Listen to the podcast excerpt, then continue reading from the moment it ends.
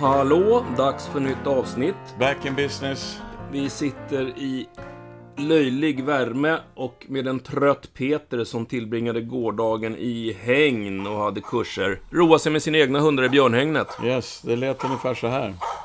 Eh, Det var faktiskt eh, himla kul. Och vi, har, det står någon, vi har någon rovdjursfråga på listan idag, har vi inte det också sen? Ja, det har vi. Och eh, man kan faktiskt titta lite grann på det här om man vill på vårt Instagram, jakthundar och jakt. Där finns en liten filmsekvens från Peters hängsejour. En liten 20 sekunder med orka-borka. Eh, inget märkvärdigt, men det är kul att se hundar som skäller björn. Nu hoppar vi rakt in i frågebanken för det är några stycken. Alla är inskickade på jakthundar och jakt.gmail.com. Det har kommit någon på Instagrammet. Eh, snälla, eh, det finns en risk att vi tappar bort dem där, så mejla in dem istället. Vi är gamla farbröder, tänk på det. Alltså, det räcker med en kanal som är digital. Ja, det är svårt nog. Eh, Det här är en följdfråga, eller ett litet tillägg från Jessica som har, som har mejlat tidigare om en jämte som är två år och som har plötsligt, som vi har tolkat det här, fått en testikel som har minskat i storlek.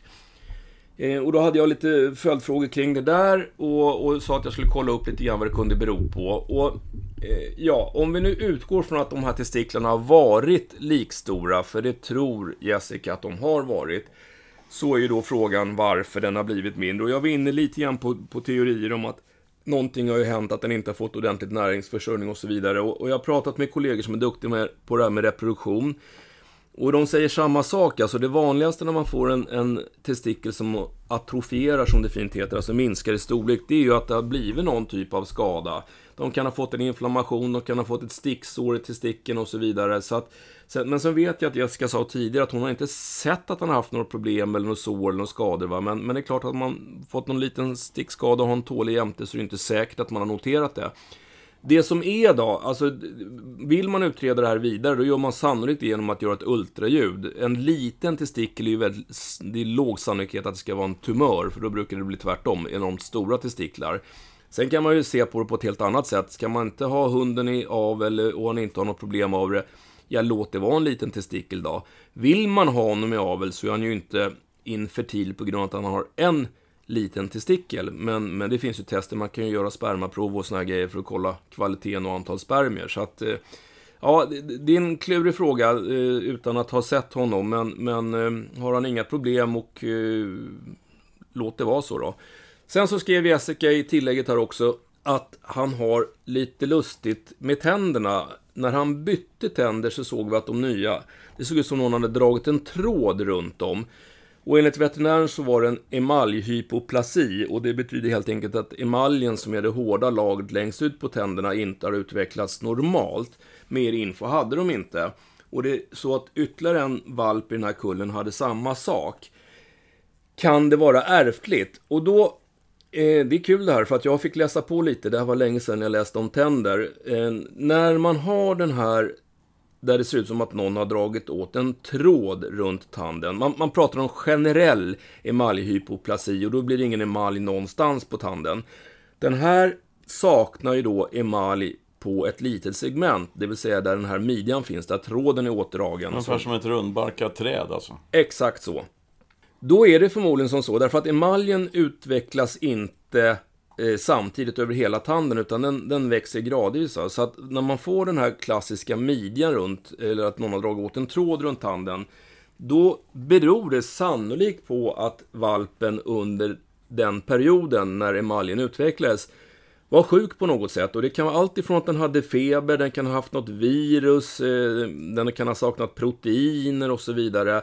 Men bara under en kort period. Och sen har emaljen fortsatt utvecklas, utvecklas normalt då. Nu, nu har Jessica bara skrivit tänder, så det är pluralis, så det är ju flera. För att har man det här på en tand, eller möjligtvis två, då är det oftast att de har skadat, slagit i eller gjort någonting med tanden så att, så att just den tanden är skadad. Så, så att det är förmodligen inte någon ärftlighet, eftersom det bara är en till i kullen som hade det, utan förmodligen så, så har de här valparna under utvecklingen av emaljen haft någon typ av sjukdom. Eh, vad gör man åt det då? Ja, det liksom- alltså det, det, för det är hennes nästa fråga. Eh, Just nu upplevs han helt opåverkat av det. Och eh, jag tror inte, alltså har han, det har jag sagt förut, har man, man kan ha för mycket, mycket defekter på sina hundar men lider de inte av det eller någonting som förvärras, då låter man det vara. Så att har han inga problem att äta och tugga ben eller vad sjutton han nu håller på med så, så eh, är det ju ingen stor grej. Utan då, men annars så kan det ju vara så att man får dra de här tänderna om det börjar bli så att han har ont i munnen eller, eller någonting sånt där. Jag tror inte att det här har något samband med testikeln. För att eh, det här, den här emaljhypoplasin borde ha skapats under tillväxten av de permanenta tänderna, alltså någonstans 5-6 månader. Och eh, som jag tolkar dig så hade han båda testiklar vid ett års ålder, så jag tror inte att det har något samband. Men, lite... men alltså är det kört? Alltså den här ringbarkningen kommer aldrig bli... Nej, den kommer nog vara som den är. Okej. Okay. Ja. Betyder det att du måste börja vara noggrann och borsta gaddarna på hunden och sånt? Ja, men det vet du väl, det ska man alltid göra. Ja, visst, jag sorry, glömde det. Glömde det. Okej, det om det Jessica. Sen har jag en fråga från Linus som jag har svarat på på mail därför att han skrev att det var bråttom och jag ställde några motfrågor så att jag har inte fått något svar från Linus. Jag tar det kort här ifall du nu lyssnar mer på podden läser mail. Eh, Linus har tagit hand om en, en drevervalp åt en vän som hade gått bort. Nej, varför sa jag drevervalp? Det är ju en vuxen drever. Hon är fem år och har precis haft valpar. Och han inväntar ett nytt hem, men han undrar hur mycket man kan träna henne konditionsmässigt. Hon har usel kondis just nu, men eh, ja, det är ju så då att med all konditionsträning, oavsett orsak till dålig kondition, i det här fallet så är hon väl nedgången för att hon har haft en kull då, så anpassar man eh, träningen till hundens förutsättningar. En, en nyförlöst kvinna går nog inte ut och skriver ett mar springer ett maraton dagen efter att hon lämnar BB. Och det, det, är lite grann, alltså man får börja. Det är absolut inga problem att träna henne. Hon ska träna. Men eh, man får börja på ganska låg nivå och, eh, och jobba upp det där gradvis. Och kanske inte idag då, när det är 30 plus? Nej, nej, man får ju helt enkelt anpassa träningen. Men jag har ju haft tik eh, med valpar själv då och ehm, det blir så de blir ju nedgångna, gigantiska djur som nästan släpar i om man springer i skogen och eh, allmänt tappar de ofta lite muskelmassa och kondition under dräktigheten. Så att, så att man får backa bandet och börja på en lägre nivå. Men det är jättebra att hon kommer igång och tränar. Och så tänk på att hon behöver ju mycket energi då när hon har diat en kull valpar och sen ska ut i skogen och börja träna igen. Bra! Mark har skrivit och frågat en... Jag ska inte säga att det är en svår fråga, den är ganska lätt, men det är en väldigt individuell fråga. Han har funderingar på att skaffa sin första hund och inställt Eh, han har valt vaktel, Peter. Det var väl ett bra val? Klokt val. Klokt Mycket val. klokt val. Så att det är färdigförhandlat och klart med familjen och han undrar bara lite grann när. Och han ska vara föräldraledig efter jul med en ettåring hemma och en treåring på dagis. Han kan inte ha valpen med till jobbet men vill ju tillbringa så mycket vaken tid som möjligt med valpen i sin närhet. Och då undrar han lite grann, ska jag försöka ta hem valpen samtidigt som föräldraledigheten börjar? Nummer ett ska jag väl bara säga eftersom du vill ha en vaktelvalp. Eh, jag tycker nämligen inte att det låter som en dum idé att, att eh, kombinera föräldraledighet gånger två då, både valp och barn. Men, men det är inte helt lätt att få tag på valpkullar som föds i, i jultid, så att eh, börja rota. Sen är det så här, Peter ska få komplettera, men det viktigaste när man skaffar valp är ju att man har man har planerat för det och att man har mycket tid att lägga på valpen. Och, och, nu har du en ettåring så är det klart att det finns begränsningar. Ju mer tid du kan lägga tillsammans med din valp, desto bättre blir präglingen mellan dig och valpen. Och desto bättre kan du dressera och träna. Så att, så att sen när i livet och när i tiden Ja, det är upp till var och en, men, men alltså att skaffa en valp och, och sen eh, åka till jobb och lämna den på hunddagis, det, det tycker jag är en dålig idé. Vad säger herr Ekeström? Ja, alltså det spelar inte... Alltså det handlar ju om tid helt enkelt. Så om, om det här är en stark och frisk hundförare som har mycket ork och, och bra kondis och, och, massor med tålamod så är det väl jättebra att ha valp när han är pappaledig. Det kan jag, för det är som du säger, ju mer man är med valpen desto bättre blir relationen, bandet och sådär. Man får mycket gratis. Jag hade faktiskt snack om det där igår när jag jobbade med massa hundar. Jag har ju jag satte in mina två jämtar i en rastgård i den här hägnanläggningen uppe i Almunge eftersom det var så varmt. Jag ville inte ha dem i bilen även om fläkten funkar där. Ehm, och unghunden skällde som en idiot i hundgården. Ehm, och eh, jag lät henne göra det, men det, det var någon som blev irriterad och sådär. Ehm, och hon gjorde det för att jag har inga hundgårdar. Jag har inga hundgårdar. Jag har stora jaktidioter till hundar, men jag har inga hundgårdar. Och det är jobbigt på många sätt. Det tar tid och det är opraktiskt, men jag vinner kopiöst på det eftersom jag måste ha skaplig koll på hundarna i vardagen hela tiden. Ja, du vet ju hur jag har det. Jag har ju bilen, jag har ju med mig hundarna nästan jämt och rastar dem lite överallt. Mitt i storstan och mitt i skogen och längs E4 när man är på väg någonstans till något jobb eller något. Alltså, det, det, det är bökigt, opraktiskt och jobbigt, men man vinner kopiöst när det gäller följsamhet och sådana här halvviktiga grejer som inkallning i skogen och sånt. Eh, så kör, kör bara, lägg tid. Om du orkar så kör bara. Och jag ska absolut inte avskräcka dig. Jag har ju en, vad hon nu är, 15-16 veckors vaktelvalp vid mina fötter just nu. Det kräver en del. Alltså... ja, men vad fan, du, du har ju ingen bebis här och du svär ju så det osar jämt för den här Ja, valpen. jag vet. Och så att jag är glad att jag inte har en ettåring också. Det räcker med valpen. Men det är kul. Lars har faktiskt bara skickat lite beröm som jag tycker var kul att läsa. För att han ställde för några avsnitt sedan en fråga om whippet och inkallning. Och sen har han eh, köpt Peters bok som handlar om just inkallning och tycker att det här var en utmärkt bok. Trots att han har en hund som inte är tänkt som jakthund och som han skriver själv, fast han inte är jägare utan bara inom citattecken hundägare. Eh, det var egentligen inte Lars som skrev, det var Agneta, det var nog Lars mail. Så att, eh, det var kul Agneta att, att du gillade boken, trots att den kanske primärt inte var riktad till whippet där. Fast whippet är ju en vinthund. De är ju från början hundar som jagar på syn. Så att det kan nog bli lite bökigt att få inkallning på en bångstyrig whippet. Ja, det tror jag också. Om den ser en hare. Ja, till exempel. Ja. Eh, bra, bra. Nu, nu är vi inne på kön igen och hundar, det är din bit. Ja, nu är vi inne på kön och nu är vi inne på en... en två, eh... två kön faktiskt, ja. i samma hund. ja, det var ju effektivt. Vi pratar om båda samtidigt. Jo, men så här är det. Eh, Erik har en, en jämthundstik som är diagnostiserad som hermafrodit, det vill säga en tvåkönad hund. Den här hermafrodit tiken då, för den är väl mestadels en tik, och nu står det inte exakt vilken typ av hermafrodism hon har, men, men det vanliga är ju att de har någon typ av utvecklad, mer eller mindre utvecklad penis i vagina, och ofta så har de då både äggstockar och testiklar i buken. Frågan är kort och gott. Hans veterinär tycker att han ska operera tiken och det är en kostsam historia. Försäkringen täcker inte. Det är en uppfödare som tydligen har gått under jorden och inte tar något ansvar för det här. För möjligtvis kunde man ha fått det på en dolda felförsäkring. Vad är det för hund? Jämte. Jämte? Ja. Och då eh, en operation någonstans kanske uppåt 25 000 kronor. Risker med detta, hur hade ni gjort? Det, det här är ju en, en, en ung tik Alltså operationen som sådan är ett bra prognos. Det är, alltså, det är ingenting som... Hon kan naturligtvis aldrig gå i avel, men det gör man knappast med en hermafrodit heller. Hon har dessutom någonting som heter pelvic bladder, som också är en sån här missbildning, att urinblåsan ligger i bäckenhålan istället för, för i buken, där den ska ligga. Båda de här sakerna, om man har en, en penis och en pelvic bladder, är operabla med bra prognos. Alltså när man har åtgärdat problemet så är hunden eh, symptomfri. Det, det betyder ju att Alltså det, riskerna med operationen, ja alla operationer har sina risker, men, men, men prognosen för att det här ska kunna bli en hund som fungerar bra i skogen är god. Sen är ju då eh, nästa sak, det här är ju en hund som jag tolkar som man inte har jagat någonting med. Och det är mycket pengar, framförallt när inte försäkringen täcker. Hur hade ni gjort? Jättesvårt. Hur gammal är hunden? Ja, det står faktiskt inte exakt ålder. Men det måste vara en ung hund Ja, det borde ju vara det. Eh, jag har fått, vi ska se, jo, för han har skickat sitt eh, regnummer på SKK, där står det 2018, så att hon är väl kanske ett och ett halvt, två år någonting då.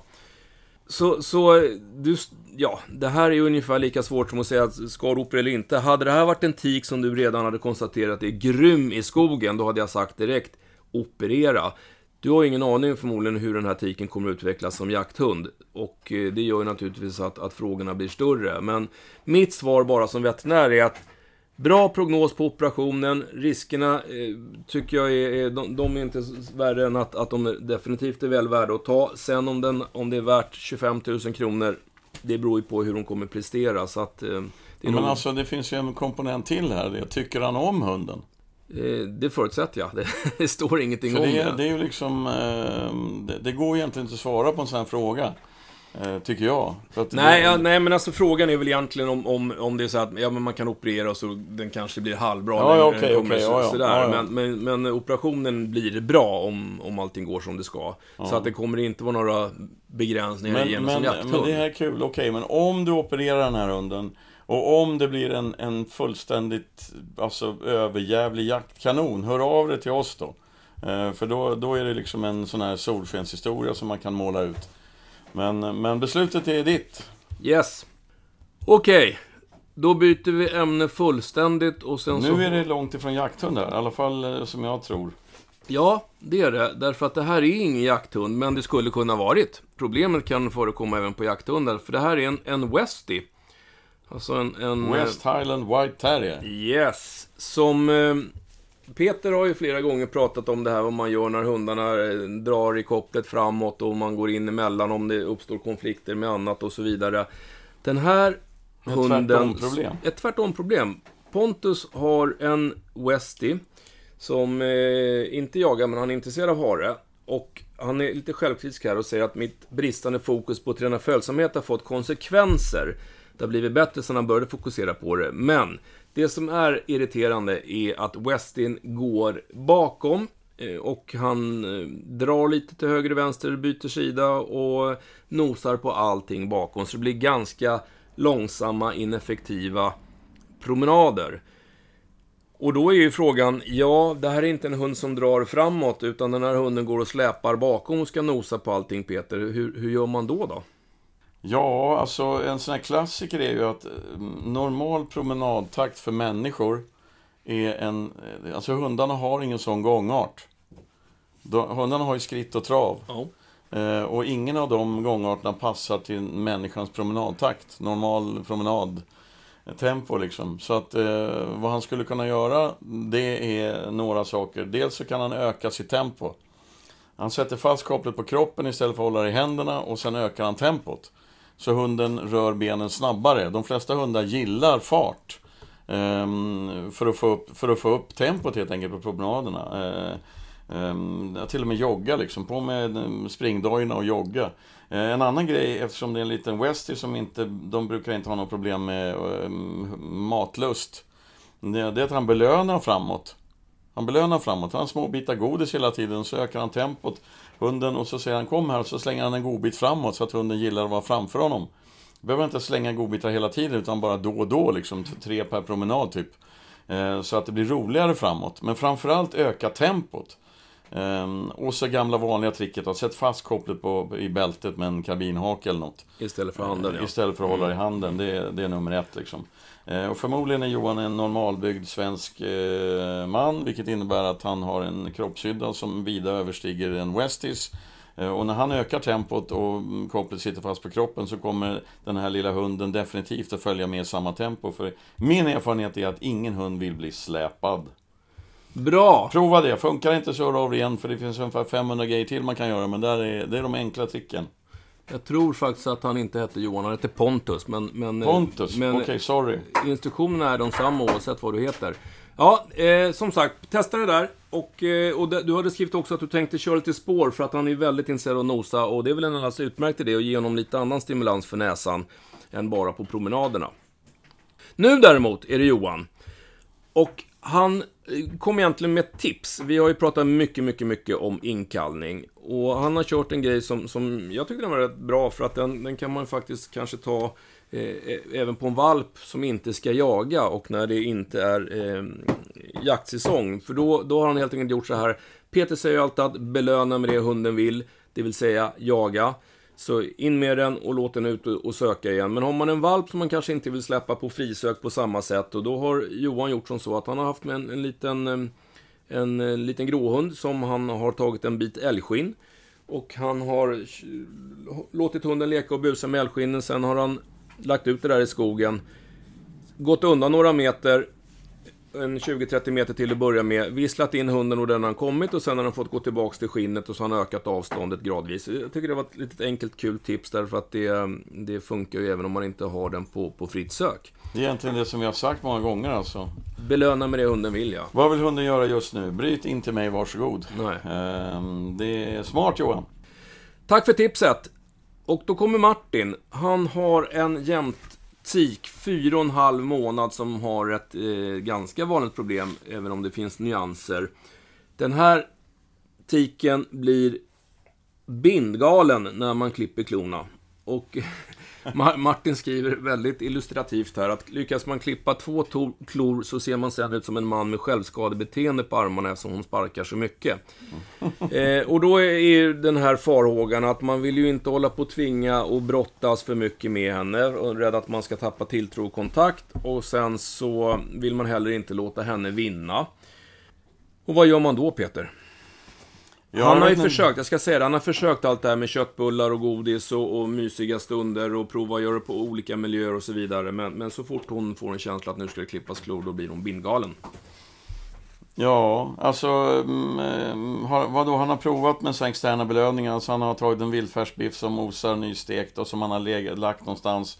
Hunden får inte ta den, hunden har fokus på den här eh, underbara maten och då passar han på att klippa en klo. Han har provat det? Nej, det står bara köttbullar och godis. Okej. Exakt hur han har provat det. Nej men alltså, nej, men alltså det, det där är ju en sån här standardgrej. Liksom. Var har hunden sitt fokus? Och om man, bör, om man brottar ner en ung jämthund och sliter upp en klotång ehm, och, och, man, och tanken är att klippa en klo och sen stoppa in köttbulle i munnen på hunden. Eh, då har ju hunden fullt fokus på kloklippningen. Men, men idén med att ha, lägga förbud på någonting som hunden verkligen vill ha. Alltså ingen klotång framme, utan man håller på och triggar hunden med, med en matbit. Gärna direkt från människans stekpanna, för hundar brukar vara extra intresserade av den mat som människor ska äta. Eh, och så lägger han den där på bordskanten eller på golvet någonstans och så plockar han upp eh, klotången och klipper en klo. Sen tar han bort vildfärsbiffen, hunden får den inte alltså. Utan idén är helt enkelt att flytta hundens fokus. Så att hunden har stor del av sitt fokus på den här maten. Då tänker den mindre på kloklippningen. Nästa grej eh, han hade gjort det var olika miljöer och hela den Ja, grejen. det har jag gjort. Alltså att, att plocka bort skräcken alltså. ehm, då handlar det jättemycket om att, som jag ser det alltså, att förändra omständigheterna kring den här aktiviteten. Och, och så, ehm, jag tycker han ska prova det här. Om det nu är så att eh, det inte funkar överhuvudtaget. Ja, men ta då fyra vildfärsbiffar i pannan och lägg ut på fyra ställen på köksgolvet eller någonstans ute i trädgården. Så hunden ser och är fullständigt tokig och har de här. Och så klipp en klo. Eh, och sen plockar upp de här biffarna, för tricket är att plocka upp dem. För, för då, då, hunden blir störd, den blir liksom, vad fan är det som händer? Då ökar hundens fokus på den här konstiga situationen, då kan man ta en klo. Men, men generellt är det ju så att, eh, num- tips nummer två, låt någon annan göra det. Låt ett proffs göra det helt enkelt. Så att hunden inser att det här är ingen fara. Eh, låt hunden bära omkring på den här klotången, liksom doppa den i, i, i någonting, i någon smaskig jävla steksky liksom, så den luktar gott och hunden tuggar lite på klotången och leker lite med den och plocka bort, så att säga, eh, det jobbiga runt omkring det. Eh, och sista, sista grejen är då att, att under en period, ja, det vet ju du som jobbar på ett stort djursjukhus, under en period när klorna ska klippas och han försöker med de här grejerna. Jag brottas inte så mycket utan ge upp då och då och åk till, åk till någon som fixar det där. Eh, någon lugnare tablett. Jag vet fan hur ni gör, men jag vet ju att de, vissa söver hundarna för att kunna klippa klorna. Eh, så, att- så att han plockar bort liksom, eh, och då kan han göra det ett antal gånger när klorna ska klippas. För att tiden ska gå, för den var ju bara fyra och en halv månad. Ja. Så att hon blir mentalt mer stabil och litar mer på honom i andra situationer och så vidare. Och sen kan han göra ett nytt försök.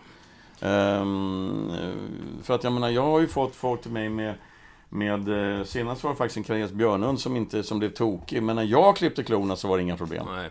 Ja, Det är ju ofta så att de, de, de låser sig på en person av någon anledning. Jag har ju en, en gråvaktel som hatar när jag klipper klorna. Jag har aldrig, så vitt jag vet, klippt henne i någon pulpa, men det går bra när någon annan gör det. Så att, och sen tror jag också, som jag håller på med min valp nu, alltså vänjer henne när hon ligger nyvaken eller lite trött, håller på att pilla och nypa lite i klorna så att hon är liksom van vid att man håller på faktiskt och pysslar med, med tårna.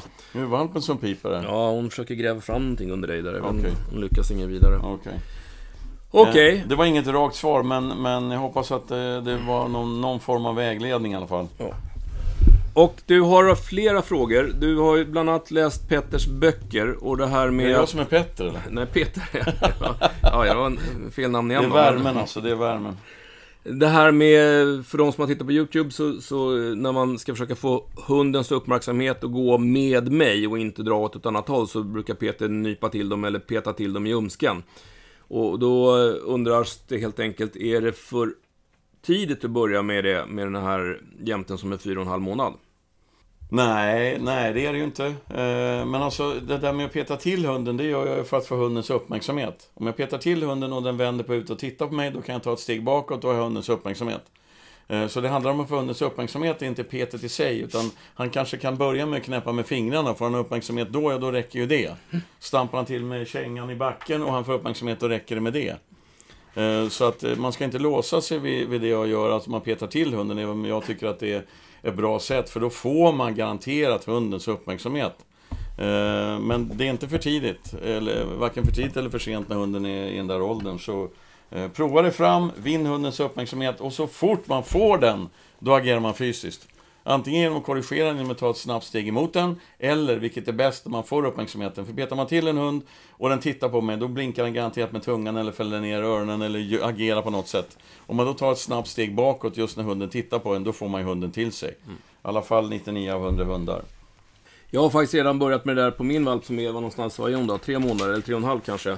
Ehm, att eh, jag, jag, brukar börja med namnet och får jag inte uppmärksamheten då så försöker jag som Peter säger stampa till med skon och, och får jag inte uppmärksamheten då så har jag vid något tillfälle petat till henne i ljumsken tills hon tittar på mig och så går vi åt ett annat håll. Sen kan man ju om man vill, om man är, om man är lite smart så kan man har man en hund som man har svårt att få uppmärksamheten ifrån i det läget då kan man peta till den alltså rätt så hårt på rumpan, alltså inte något våldsamt, men så att man vet. Och samtidigt som man petar till den så säger man hundens namn eller stampar till med skon, mm. eller något annat.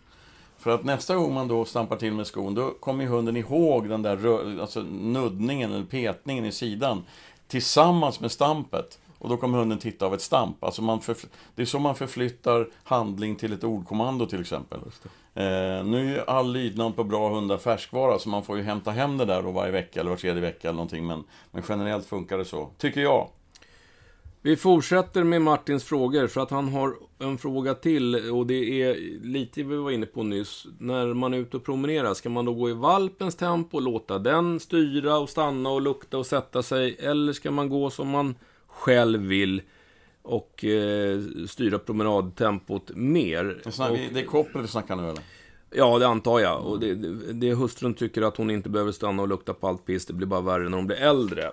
Och det där finns det ju lite olika skolor om. Vad säger du Peter? Jag tycker att man själv ska bestämma vad som ska hända. Det vill säga, vill man gå och har lite bråttom någonstans, ja då går man bara. Om man har bråttom, punkt. Alltså man, man får hunden att vänja sig vid att det är jag som bestämmer tempot. Men jag brukar göra så ibland när jag, när jag tvingas gå med någon av mina i koppel att, och jag, jag har liksom lugnt och gott om tid. Om någon av jämtarna stannar och nosar, ja men då kan jag stanna och vara bussig så får hunden nosa. Och börjar hunden nosa sig in i skogen bort från stigen eller promenadstråket liksom, ja men då får hunden styra promenaden en liten stund. Eh, det är faktiskt, det gillar de alltså.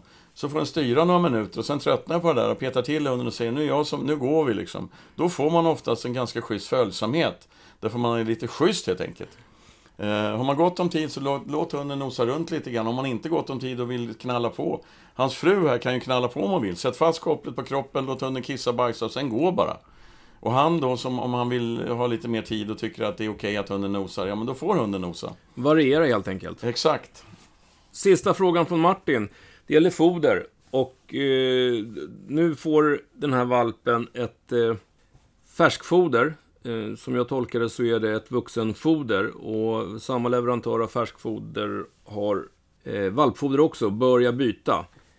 Eh, jag tycker det. Och det är av det skälet som jag har redogjort för tidigare. Valpar behöver en helt annan mängd energi än vad en vuxen hund behöver. De behöver tillskott av alla de ingredienser som finns i foder, det vill säga kolhydrater, proteiner, fetter, mineraler och spårämnen. Allting ska växa, allting ska bli större och hjärnor och nerver och skelett och muskler ska utvecklas. Så att de behöver mycket, mycket mer. Man kan naturligtvis ge eh, vuxenfoder, men då ska man nog ge rejäla mängder. Jag är förvånad nu när jag tittar på, på hur mycket min valp ska käka. Hon käkar ju tre gånger så mycket som mina vuxna hundar gör av valpfoder. Och så växer de som ogräs. Så att jag tycker att har man en valp ska de ha valpfoder därför att de behöver så mycket energi och eh, tillskott Så, så det är mitt svar på frågan. Ja, Jag vågar inte säga emot där, alltså, men eh, jag måste skärpa mig helt enkelt nästa gång jag har valp. Ja, nej men man kan ju kompensera med stora mängder och din, dina hundar ser ju inte ut som de lider någon näringsbrist va, men det är lite lättare med valpfoder för de är ju komponerade just på det sättet att de ska tillgodose en växande kropp med de ingredienser som behövs. Men sen är det väl det gamla klassiska, alltså, bara för att en grej är dyr behöver inte vara bra, men när det gäller hundmat Eh, så, är, så hänger kvaliteten nog ihop en del med priset. Ja, det gör det. Och, och det är som jag också sagt förut, att tittar man på de allra billigaste säckarna så tycker man att den här säcken var ju jättebillig. Men när man sen tittar på hur mycket hunden ska ha per portion för att få i sig en viss mängd kolhydrater eller kilo joule, så, så inser man att en, en dyrare säck eh, kräver hunden mindre portioner och då blir portionsavgiften, eller kostnaden, inte någon nämnvärd skillnad på. Okej, så svaret är ja alltså? Ja. Yes, vi kör. Nu hoppar vi till Norge. Kul! Och den här eh, norrmannen som heter Jon Mikkel har dessutom skrivit att det är många som lyssnar på oss även i Norge. Eh, hur som helst så blir det här en PT-fråga, framförallt med tanke på att han var i hängnet igår. Därför att Jon Mikkel har tänkt att skaffa en spisshundsvalp, alltså en spets, och då står det inom parentes jämte Laika karelare. Han använder, eller han har tänkt att använda den till rovdjursjakt. Björn, järv och gaupe, som jag inte missminner mig är samma sak som varg. Eh, och han har behov av en stillstående hund. Ja, han vill helt enkelt ha lite tips på hur det här ska bli framgångsrikt. Ja, alltså när det gäller, alltså nu, det här, nu får ju, alltså först får jag säga då att det här är, det finns ju de som är specialister på det här och det är inte jag, men, men eh, eh jag har ju uppenbarligen ett par spetsar som skäller eh, rovvilt. Eh, jag tror att om, om man vill specialisera, ska man skaffa en hund som blir specialist på rovdjur, då ska man vara väldigt, väldigt, väldigt noga med vilken avelslinje och uppfödning man väljer ifrån. Eh, man kan ju ha råflyt, man kan ju ha världens flyt liksom och plocka en gärdsgårdsavlad hund och ha tur. Men, men just när det gäller rovvilt, alltså, det syntes så tydligt igår i, i björnhägnet alltså att eh, har inte hunden det där som krävs för att våga utmana eh, farligt vilt. Och Jag skulle vilja påstå att björn är bland det svåraste som finns för en hund att jaga. Alltså det tror jag. Eh, Det syntes så otroligt tydligt igår alltså. Vuxna, sto- jätterutinerade älghundar, stöddiga som fan, som bara får vind av de här tre björnarna i det här hängnet, alltså 70 meter ifrån.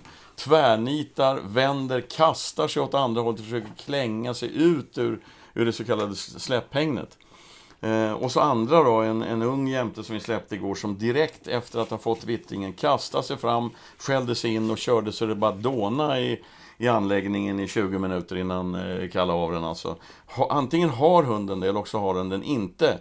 Jag tror inte man kan Fast ja, jag kan ha fel, men jag tror inte att det är lätt att träna fram den mentala förmågan att utmana eh, rovvilt. Det tror jag inte. Eh, så att i det här fallet så är det döviktigt att veta varifrån valpen kommer. Det, det tror jag faktiskt. Det, det, det är nummer ett. Vill han ha injagningstips och sånt eller? Nej, framgångsmåte. Alltså, nog allmänt tips Ja, på hur, ja. hur han ska lyckas med Nej, det här. men, men, men det är grunden alltså. Sen, sen är det ju allt det där med prägling och, och ta det lugnt. Och, och när det gäller rovvilt så är det ju smart att, att vara noga med att följa hundens mentala utveckling till vuxenhund. Så man inte... Man kan ju ha en ung hund som en jävel på att skälla björn i hägn. Eh, och sen när den är eh, liksom ett och ett halvt år och inte riktigt hundra vuxen i huvudet så får den tag på en björn i fria skogen. Där det händer någonting så att hunden blir riktigt skrämd därför att den är inte hundra mentalt förberedd på det. Eh, det är inte heller bra. Så att, eh, jag tycker man ska ta det lugnt med injagning av, oavsett hund och oavsett jaktsätt. Men, men framförallt när det gäller rovvilt. Då. Det finns nog många som har en annan åsikt. Så jag, jag tycker också att han ska ta, ta kontakt med de här superskickliga rovdjursjägarna som har den typen av hundar. Men jag tror att de kommer säga ungefär samma sak. Var fruktansvärt noggrann i val av uppfödning. Lite tips i alla fall. Och jag tror faktiskt att jag kom på nu när jag satt och funderade att gaupe betyder nog lodjur. Så att det inte alls varg som jag sa förut. Men, eh, ja, ja, rovvilt ska den jaga i alla fall. Jag tror att det var i förra avsnittet, eller om det var två avsnitt, så, så pratade vi om Beagle. Det var någon som undrade om det kunde vara en rolig ras. Och jag fick, vi har bara fått ett tips från Alex här som har skaffat en... I vintras fick han hem en Beagle som, som är från en uppfödare som har kört beagle, jaktbeagle sedan 70-talet. Och det verkar vara... Han, han, vill egentligen bara rekommendera. Nu är den här beageln nio månader. Den eh, har ett jättestort intresse för hare. Och eh, han eh, funkar jättebra överhuvudtaget. En härlig hund att ha att göra med. Envis med mycket vilja och personlighet. Så att han kan rekommendera Beagle för den som lyssnar. Plus för Beagle alltså. Plus för Beagle. Och så kommer vi till en liten knepigare fråga, tror jag i alla fall, fast det här är ditt specialområde. Eh, det här är Josef som har en blandras. Och det är 50% GP, 25 karelare, 25 vaktel. Han har tänkt att den här ska gå som kortdrivare. Det funkar bra. Den kör rådjur, det är en tik 57 minuter och gris ungefär 30. Hon skäller jättetätt och bra på drev, men när grisarna stannar så står hon still och står tyst och tittar på grisarna. Och han har faktiskt skickat med lite bilder på det här också. Det ser verkligen ut som att hon står och bara blänger på grisarna. Hur gammal är hon, sa Hon är två och ett halvt år. Mm. Och då är ju naturligtvis frågan, eh, kan man på något sätt... Alltså hon är ju inte intresserad av gris. Hon driver ju gris jättebra med täta fina skall. Ja, men det är ju klassiskt. Alltså, det, hon jagar grisen när grisen förflyttar sig bort ifrån henne. Ja. Eh, det är lite som alla hundar springer efter en boll, typ. Um, kan du göra någonting åt det? Ja, alltså jag tror att han ska ta det lugnt. Fortsätta jaga och ta det lugnt, alltså, så kan det där lossna. För jag tror att det där är en mognadsfråga också. Alla pusselbitarna är inte på plats. Alltså hon, det är en tik där eller? Ja. Och hon tycker att det är jobbigt helt enkelt. Hon tycker att grisen är lite jobbig och läskig. Eh, så att eh, hon, hon gör massa annat. Hon söker upp dem, hon förföljer dem. Eh, hon, hon står vid dem och då kommer inte skallet. Den pusselbiten ramlar loss, hon kan inte fokusera. Det, liksom, hon tappar det då. För att hon tycker situationen är jobbig helt enkelt. Ehm, men det är så intressant också med den här korsningen, den här blandningen. Eh, jag hade en GP igår alltså som, som jobbade som en, tvärtom, som en ställande hund. Förföljde tyst och eh, skällde när grisarna stod.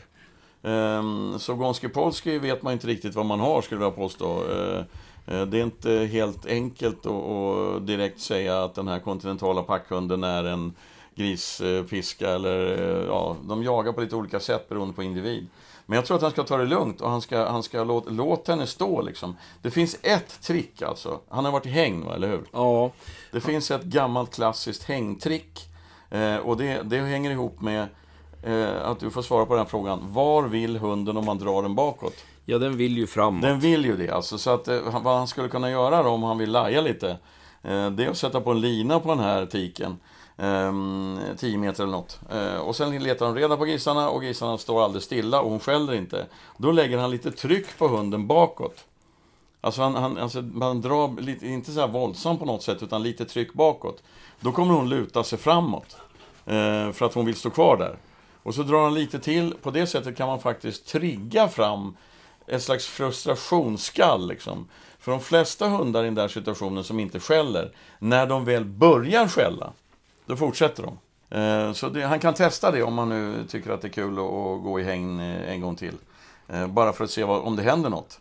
Annars så är ju tipset att bara ha is i magen och vänta. För ju fler grisar som skjuts på den här, för den här hunden, desto mer, större chansen att hon kommer att börja skälla när hon står stilla. Men det pekar på att hon tycker faktiskt att grisar är läskiga. Okej. Okay. Var det ett begripligt svar? Ja, det var, och det var ett konkret tips också. Vad bra. Um, då hoppar vi över till en 2,5-årig beagle-tik, en beagle igen. Som är bra på alla sätt och vis. Och eh, de, hon har börjat meritera sig på jaktprov. Så att hon är så pass duktig så att, så att eh, i det här fallet Robert funderar på att ta valpar på henne. Men det finns ett orosmoln. Hon är väldigt kräsen med maten.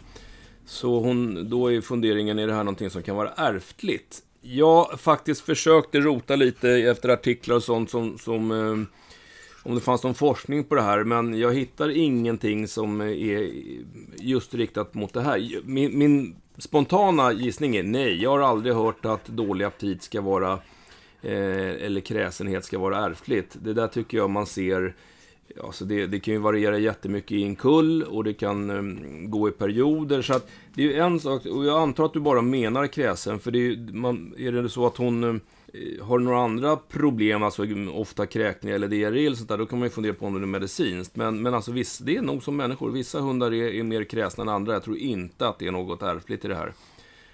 Jag vet inte om du har någon annan uppfattning. Har du hört talas om det? Nej, men jag kom, jag kom att tänka på en grej. För ungefär hundra år sedan så hade vi, min fru och jag, eh, nå, alltså, tog då och då emot lite sådana här inackorderingshundar typ. Eller hjälpte folk som skulle resa bort och så. Eh, och då hade hon en eh, avlägsen släkting i någon storstad som hade två stycken, vad fan hette de då? Eh, Borsoi va? Ja, Sådana ja. vackra ja, jättestora vinthundar som går omkring med diamantörhängen i storstäderna. Ehm, och när den här damen lämnade de här två stycken vackra skönheterna hos oss, så jag hade ju aldrig sett den typen av hund typ. Men eh, då sa hon så här ungefär. Ja, om de är kräsna så provar vi med leverpastej och jag brukar faktiskt pudra lite parmesan över maten också. Och jag skojar inte, hon sa det. Och då sa jag så här, kanon, bra tips, och så åkte tanten. Eh, och sen, sen så skickade jag in eh, de här hundarna där de skulle vara och eh, sen så när det var matdags så skickade jag ner matskålar med det slobbkäk som jag brukar ge mina hundar. Och de här två damerna från storstadens övre skikt, Eh, de fnös ju bara och gick därifrån. Tre dagar senare var de först i matskalen och käkade som idioter. Eh, så att, ehm, att truga en hund som har, har svårt att käka, det tror jag är, då, det är fel taktik alltså. Ja, det tror jag också. Och, och här konkurrensen är ju ofta någonting som kan trigga aptiten hos de mest kräsna hundar. Det vill säga att det står en annan hund och dreglar bredvid. Det, det brukar kunna hjälpa. Men eh, jag har sagt det här också förut, att så länge tiken inte går ner i vikt och hon är pigg och glad och har fin pälskvalitet och allt sånt där.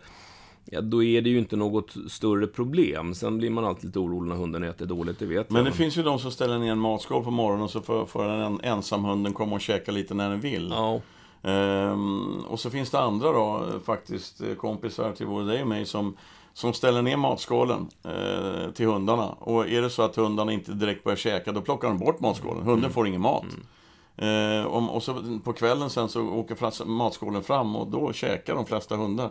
Men, men det där är bara någon sorts eh, grovyxad eh, taktik. Men, men eh, Ja, Jag har sagt det också förut, att jag aldrig varit med om en hund har, har självsvält. Eh, Nej. så, så, tillvida så att det blivit skadligt. nej, men det har ju också, är det säkert en ensamhund där vi pratar om? Jag gissar det, men, men det framgår inte.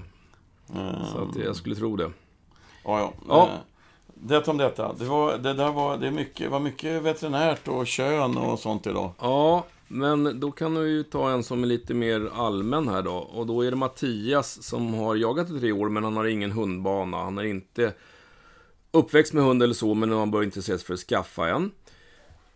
Och i en perfekt värld så vill han ha en vildsvinsjagande hund som inte nödvändigtvis behöver vara ställande.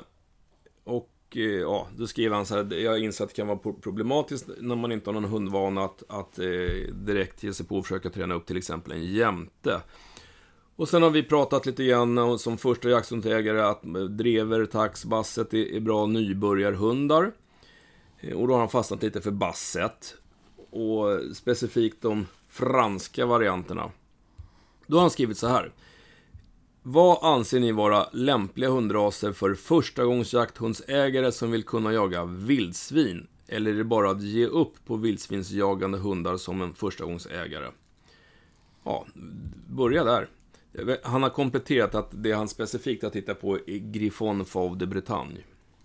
Ja, alltså, ja, alltså det, det här är så himla svårt att svara på, måste jag säga. Ehm, det, det är som... Eh, vad har han för marker? Det framgår inte. Nej men alltså, har han marker med väldigt mycket vildsvin och de är stora markerna och han känner mycket folk med vildsvinsmarker och så. Så är det klart att han kan satsa på en hund som är mer utpräglat åt det hållet, så som går större och hänger i längre och så. Men, men det låter ju inte riktigt så. Jag- får en känsla av att det inte riktigt är så. Nej, det han, han har skrivit om det, det är att de har en, en god chans att kunna jaga vildsvin, står det. Så, att, så jag antar att det är marker som håller mycket vildsvin. Ja.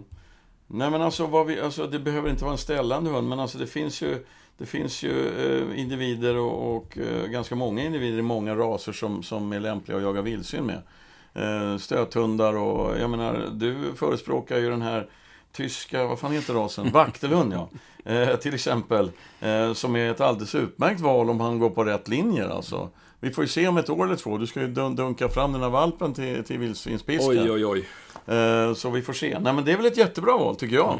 Eh, och hitta rätt linje i den rasen. Men, eller eller om, man, om man lite mer inne på spetsar och sådär, men en, en, en småspets. Norrbottenspets En eller finspets. eller finspets är ju eh, sådär. Han får snacka med rasklubbar och så. Det är återigen det vi snackade om rovdjurshundar förut. Att det, det är klokt att hitta uppfödning där man har fokuserat på vissa egenskaper hos hunden. Alltså, så att eh, och, ehm, chansen är större då. Sen, Och, och en Basset Fauve de Bretagne, alltså, det är också så här... Det är en ras som jag tycker är lite svår, för jag har ju jobbat en hel del med, med, med den rasen. Och det finns ju de hundar som är, som är stenhårda i jakten. Alltså på riktigt. Och så finns det de som är som små mjukisar som helst kör hare och rådjur. Och inte överhuvudtaget är lämpliga, alltså egenskapsmässigt, att jaga vildsvin. Så att, eh, men däremot så är det en jävla härlig ras, en härlig hund. Eh, Det är så mycket andra, annat som spelar in liksom. Sen Eh, tror jag... man jagar man 125 dagar om året, alltså vildsvin mest, då, då, då kan man ju specialisera hunden. För ju mer den jagar det vill man vill att den ska jaga, desto bättre kommer den bli på den jakten. Men om man är lite mer normaljägare då, jagar lördag söndagar under rena hundsäsongen, ja men då tar det ju tid att få fram en, en specialist. Så han kanske ska ha en allround-hund, det låter lite så. Mm. Eh, Nej men en, en, en eh, nobs eller sånt där, eller en finspets, det blir inte dåligt. Sen, sen tror jag det här, och du skriver inte om någonting Mattias, men, men att du är en förstagångsägare, det är klart att det finns raser som är mer krävande eh, än andra och framförallt att jaga in. Men om du besitter en otrolig massa tid och, och som du kan lägga på hunden och injagning och, och eh, går kurser och lyssnar med folk som kan och, och så vidare så, så ska man nog inte vara livrädd för att ge sig på en, en, en ras som jämthund heller, tycker jag. Men, men det beror ju helt... Alltså, det, det är ju hundar som tar tid och de kräver ju en hel del innan de är fullt fungerande. Men jag vet inte vad du har för förutsättningar. Nej, nej, men alltså det här var ett rörigt svar. Tror du vi har hjälpt killen? Ja, vi har varit så konkreta så vi har sagt Nobs finspets och vi har sagt att de här Basset-raserna kanske inte är de eh, förstahandsvalet om man ska prioritera och jaga gris. Nej men alltså vaktelhund, alltså mönster av vissa linjer, alltså, det, det finns ju, det finns ju ett, Kopov. Ja men alltså, du vet gamla Aja, hon bankade ju vildsvin så dåna, det var Mm. en springer spaniel, så att eh, ehm, let, leta linjer och så, men, men det låter ändå som om killen skulle behöva en allroundhund va? Ja, mer än, alltså jag, jag tror det. Om du har fokus på vildsvin så skulle jag nog kanske inte sätta Basset högst upp på listan. Det finns ju folk Ehm. söderut som jagar Jagar präktigt med vildsvin och hjortvilt, alltså dov och kron med, med Norrbottenspetsar. Mm. Eh, och det finns ju någon sorts typ klövviltslinje i, dem, eh, i den rasen. Eh, kan för lite om det, men, men eh, satsa på allround, det tror jag. Och lite kortare. Jämthund, var fine om man har mycket tid, men, men en jämthund av rättstammad jämthund, den, den kräver en del alltså. Yes. Okej, du får komplettera om du tyckte vi blev för röriga, men, men lite grann kom det förhoppningsvis ut av vårt svar. Då ska vi hoppa till en helt annan typ av fråga och det är Jonas som tillsammans med sin fästmö har skaffat en KLM, alltså en Kleine Münsterländer, som nu är 14 veckor. Det är deras första hund. Och det går, de tränar mycket tillsammans, men valpen är väldigt fäst vid husse. Eh, så att när de är alla tre ihop så vill valpen bara vara med husse. Och då tycker Matte att det blir inte så kul för att hon känner sig lite utanför. Eh, Jonas egen teori är att, att eh, skälet till att valpen är så fäst vid honom är att de, det är han som introducerar mycket av de nya roliga övningarna. Och så småningom så kommer han också att vara den som jagar med hunden. Han undrar helt enkelt, är det ett vanligt fenomen att hunden har en favorit? Och om det fortsätter hela hundens liv.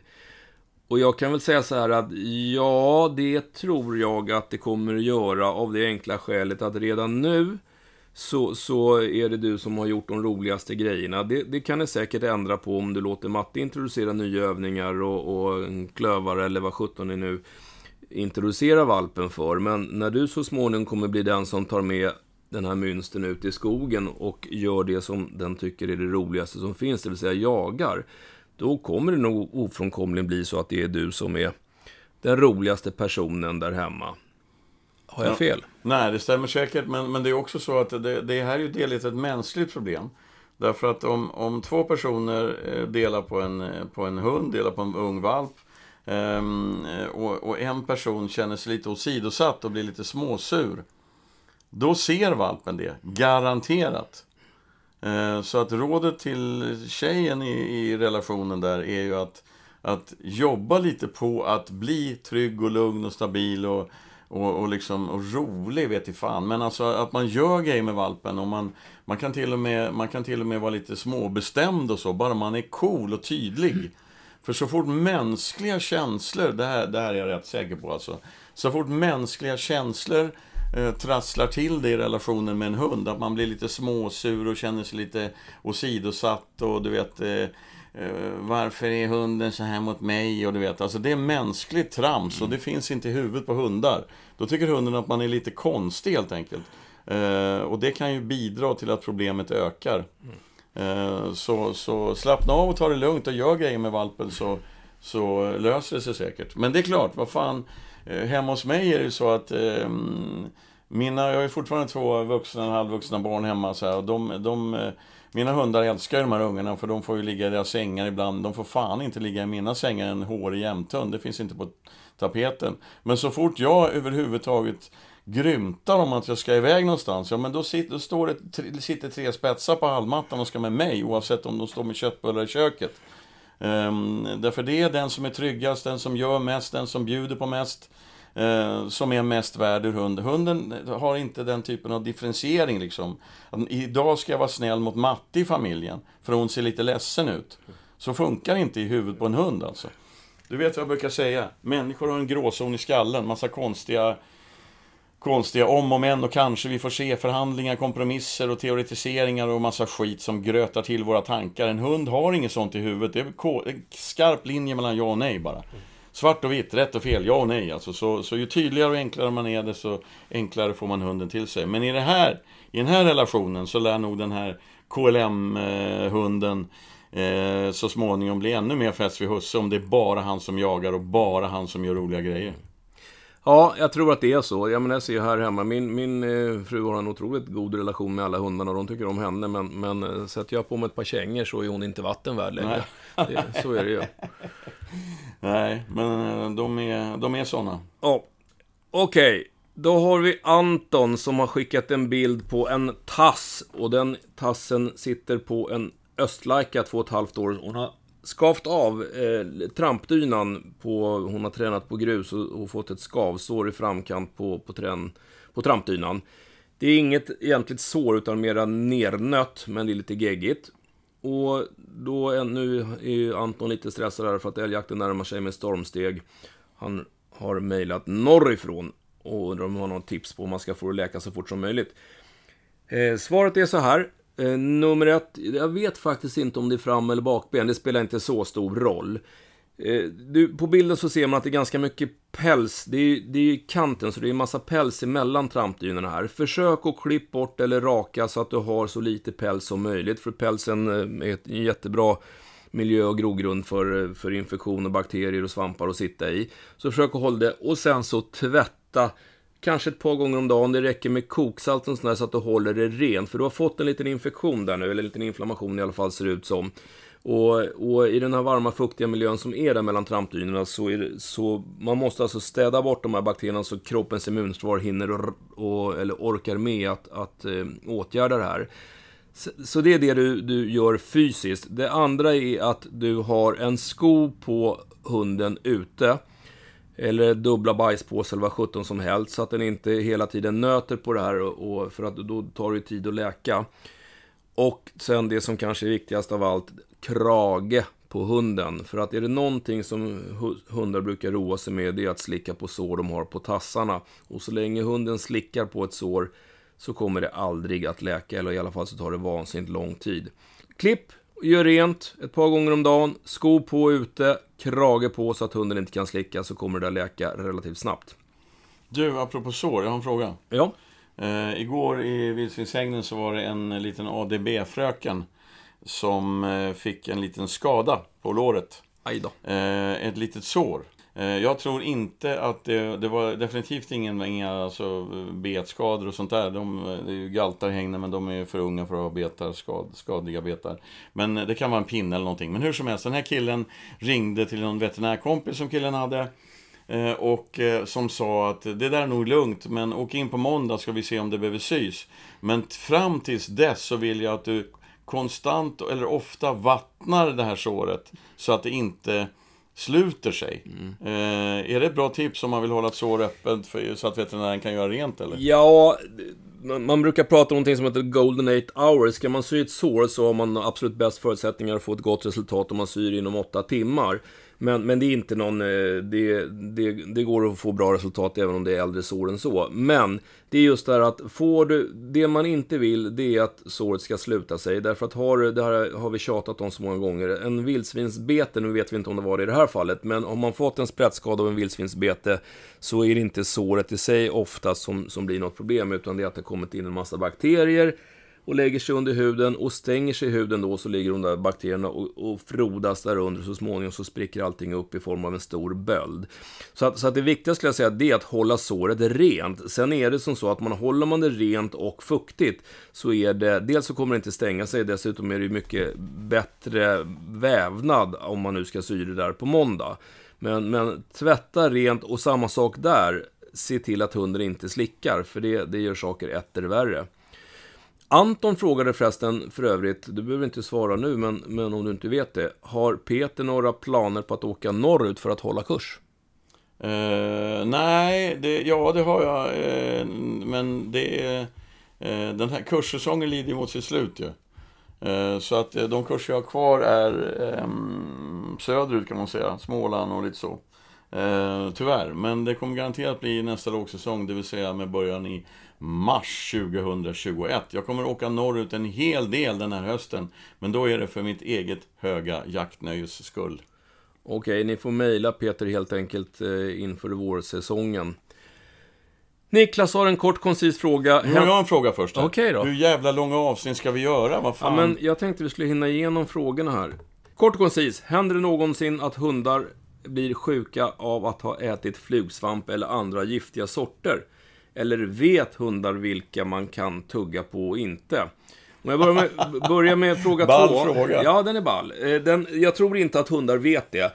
Sen är det faktiskt ganska intressant det där, för att det är ytterst, ytterst sällan som vi får in hundar där vi kan med hundraprocentig säkerhet säga att det här är en svampförgiftning.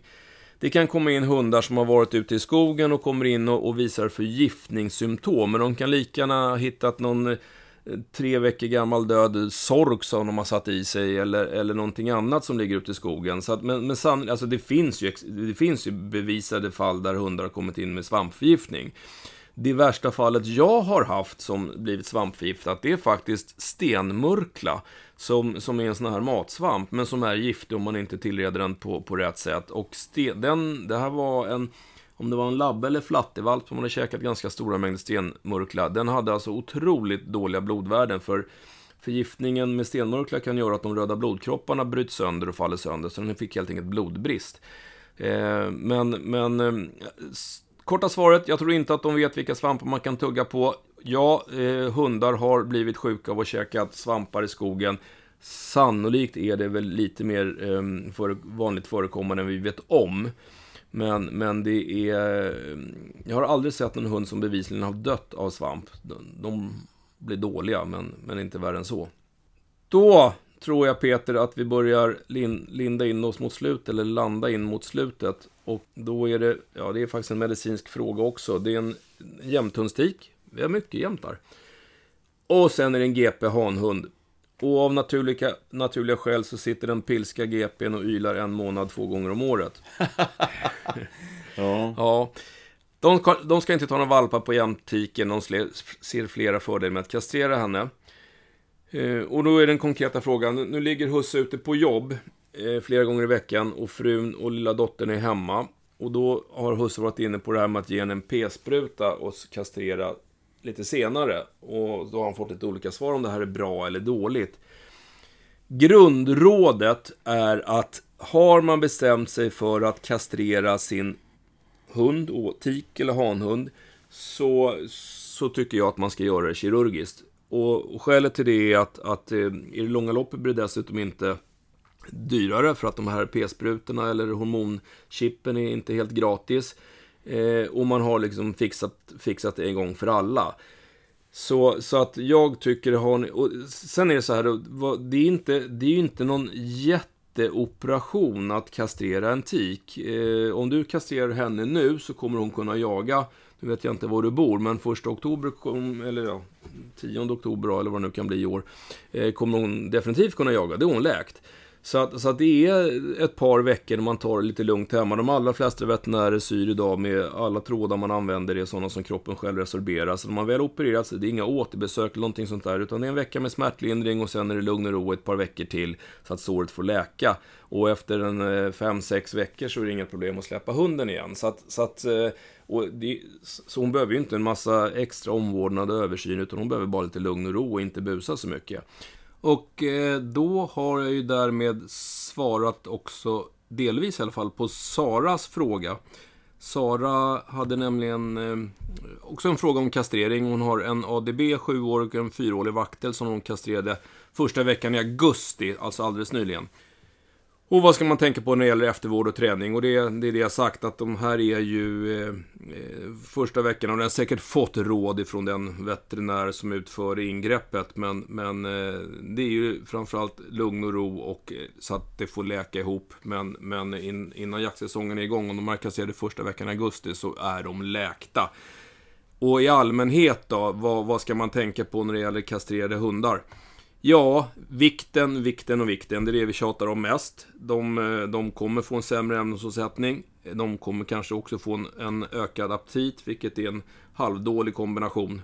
Dessutom, eftersom jag själv har kastrerade vaktel hemma och haft flera kastrerade vaktlar tidigare, så ska man vara medveten om att många vacklar får en annan pälskvalitet. De blir väldigt lurviga, det växer snabbt och de ser inte alls ut som de gjorde innan de kastrerades. Det är visserligen en kosmetisk sak, men jag får trimma min vaktel en 3-4 gånger om året nu för att det inte ska bli alldeles för odrägligt långt.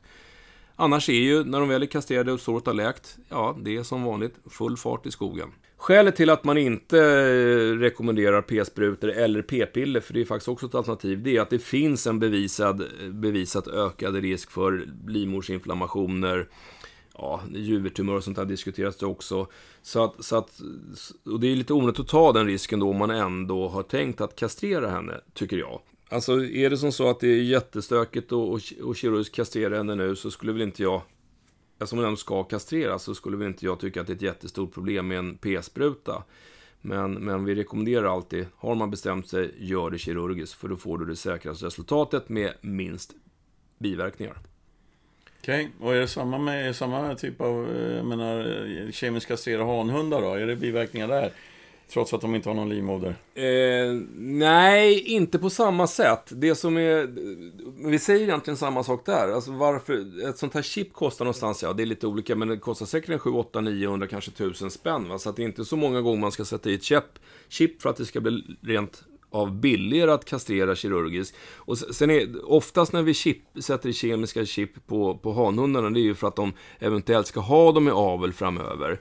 Och, och då, då har man ju ett, ett, eh, bra argument för det. Sen är alltid knepigheten att man vet inte när, eh, riktigt hur lång tid de här chippen har effekt. Och så att man vet inte riktigt när de kommer igång med full testosteron och spermieproduktion igen. Mm, det är värt att snacka lite om det snackas mycket om kastrering alltså. Det är mycket frågor kring det där. Ja, det gör det. Vi kanske får ta det som ett separat tema vid något tillfälle.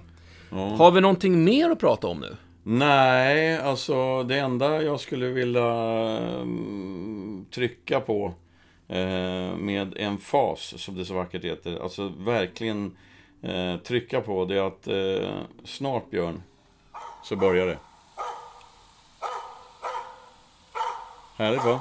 Ja, alltså jag är lite sur på SMHI. Vi hade ju spetsat in oss på att släppa hundar flitigt nu i augusti, men i det här vädret. Det är för varmt. Det är för varmt. Är för varmt. Um, ja, ja. Men vi hoppas att nästa avsnitt inspelas på jaktmarken i väntan på att vi ska få släppa hundar. Och vi kommer börja... I väntan på upptag. Ja, i väntan på upptag. Ännu bättre. Ni, ha en eh, trevlig eh, vecka. Vi hörs framöver. Absolut. Kämpa, om någon frågar oss.